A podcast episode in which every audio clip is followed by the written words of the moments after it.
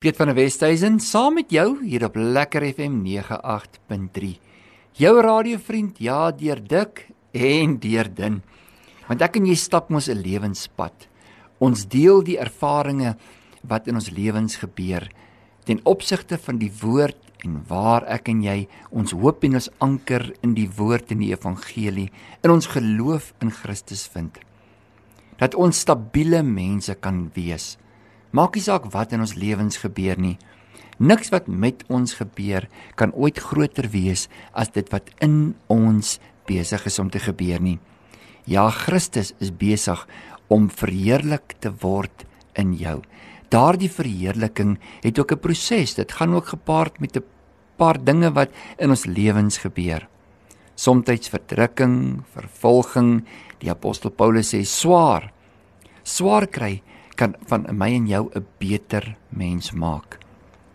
Wanneer jy dink aan die tye wat jy die swaarste gekry het, dan sal jy ook dink aan die tye wat jou afhanklikheid teenoor God die meeste was. Die vlak van dankbaarheid ook die meeste was. As ons nie in daardie tyd 'n ander gees ontwikkel het om na God toe te draai, hom dieper te kan vertrou en in hom te kan glo nie, sal ons oor en oor dieselfde vak moet skryf. Ja, ons sal jaar in jaar uit net soos wat Israel vir 40 jaar die vak van vernuwing van gees moes her. Elke jaar vir 40 jaar moes hulle heraansoek doen om weer 'n jaar saam met hulle self en saam met God in die woestyn te spandeer. Hoekom? Want hulle kon nie daardie transisie maak nie. Daardie oorgang van dit wat Egipte is tot dit wat Kanaan is nie. Want uit Egipte word daar iets gebore om van jou 'n Kanaan te maak. Kanaan is nie 'n plek nie. Nie in hierdie opsig waar in ek nou met jou praat, is Kanaan iets wat ek en jy word, 'n toestand wat ek en jy binne gaan in ons lewens. Iets verander van Egipte om in 'n land van slawerny, afgods aanbidding, verskeie vreemde tradisies van die kultuur wat ons aangehang het, ewe skielik kom God en sê vir ons: Ek kom haal jou uit Goshen uit. Ek het vir jou 'n land instoor waar die melk sal vloei en die honing sal vloei. Wingerde wat geplant is wat al generasies lank die vrug voortbring. Ek het meer vir jou instoor as wat jy ooit vir jouself kan doen mure, grense en heininge wat opgerig is wat jy self nie sal doen nie. Die sin en die betekenis van die lewe word nie altyd net gevind wat ek en jy vir onsself kan doen nie. Ja, ons kan ook nie sê maar omdat God alles moet doen, moet ek niks doen nie. Ons het 'n menslike deel en in dit vertrou ons ook die goddelike deel wat God alreeds en alleenlik in ons lewens kan doen. Wanneer Lukas 12 vers 15 en vers 31 die volgende woorde met my en jou deel, dan dink ek aan hoe ek en jy betekenis vir ons lewens in hierdie tyd van die seisoene en in hierdie tyd van ons lewens kan bevestig.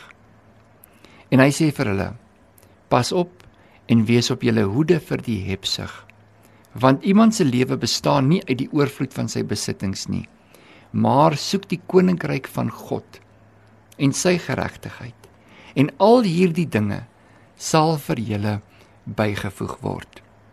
Hoe dikwels hoor ek en jy dat iemand dalk soms vir ons sê: "Ag, my lewe, my lewe, ek weet nie wat gaan van my lewe word nie. Ek het nie meer 'n werk nie of ek het dit verloor of iets in my lewe het verander." En omdat ons dink dat ons in ons eie krag staan, dan beweeg ons nie in die volheid en die heelheid van God se krag in ons nie. Dan voel ek swak. Dit voel of ek nie meer kan aangaan nie. Dit voel of ek nie meer so kan lewe nie.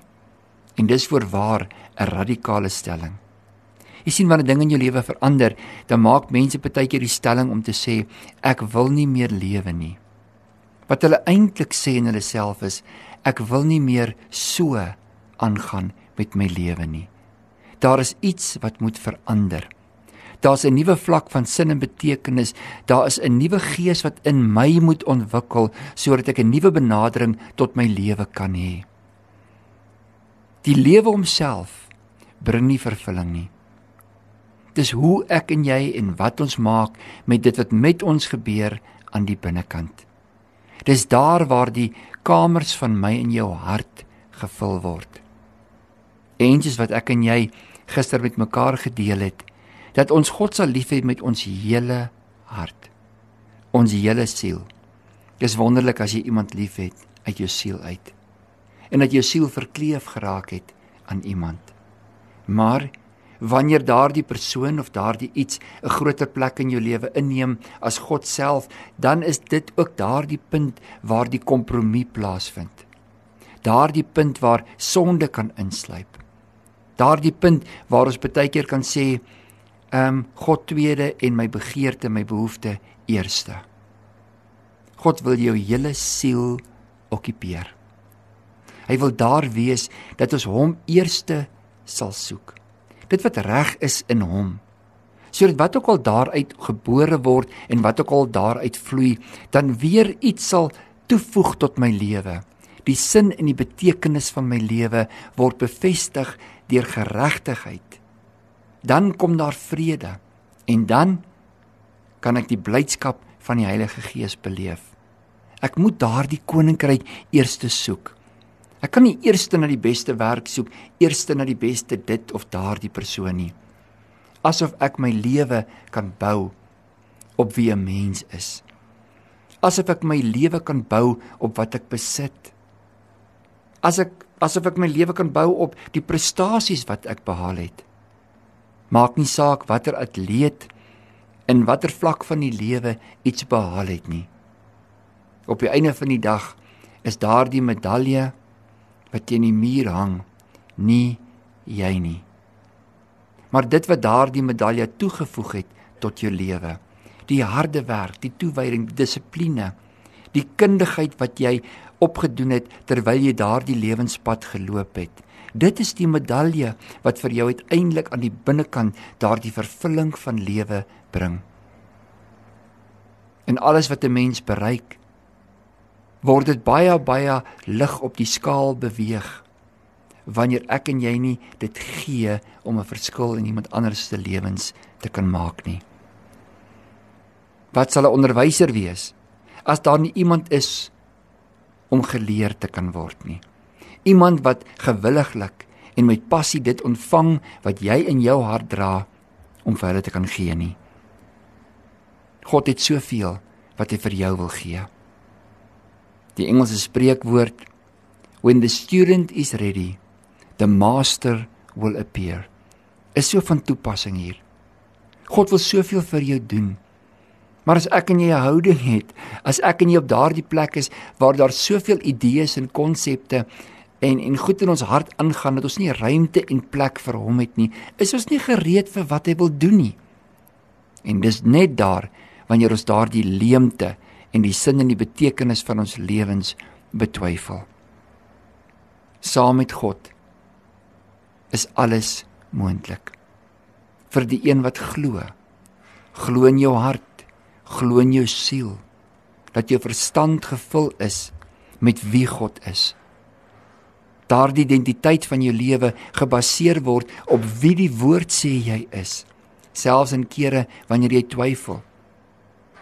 Wanneer iets in jou lewe verander het of gebeur het en jy jouself teleurstel of iemand baie naby aan jou, iemand vir wie jy groot plek in jou lewe gegee het, ook maar net in hulle menslikheid jou val. Mense sal ons altyd val. Net soos wat jy ook mense val.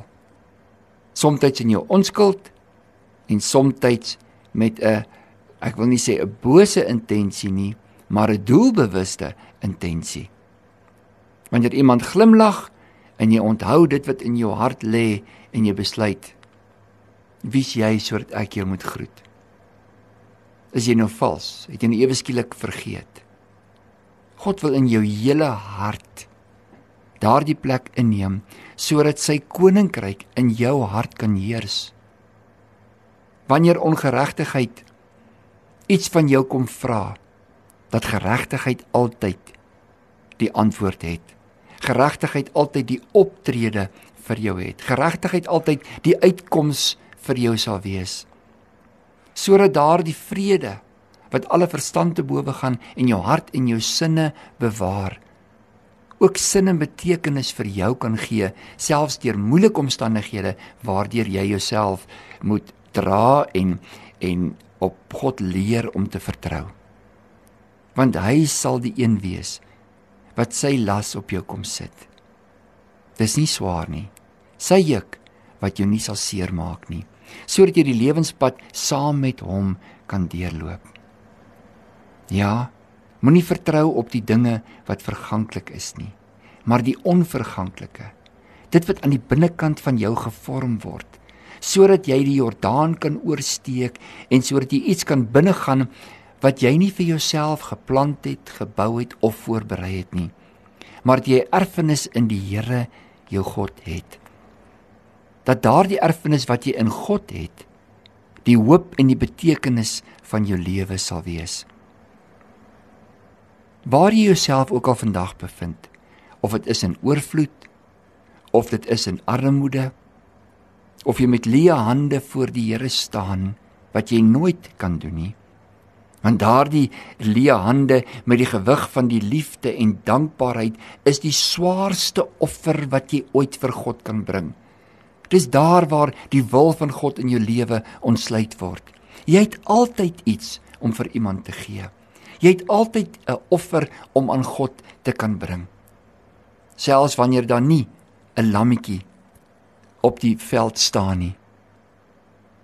Wanneer die kalf nie sy plek ingeneem het nie. Dan is daar 'n duif. Dan is daar 'n graan. Daar's altyd iets wat ek kan sê, Here, hier is die offer wat ek het om vir U te gee. Hier is my broodjies en my visse. Hier is die staf wat ek in my hand het, Here. Hier is die woord wat U in my binneste geplant het. Ek het iets om te gee. Wanneer ek dit gebruik wat U vir my gee, dan vind ek nuwe doel en betekenis. Ek vind ook dat my lewe 'n verskil maak. Ek is die een wat die bedelaar langs die pad is wat beklaanswaardig is en sê ag Here, ek het niks om te doen nie, ek het niks om te gee nie. Ek gaan maar net lê totdat iemand die water roer, Here. Iemand moet my in die water sit. God sê kruip. Kruip beer vorentoe. Maak vandag 'n nuwe besluit sodat jy kan vorentoe bou aan die sin en die betekenis van jou lewe deur iets wat jy in jou dra, wat jy het om te gee.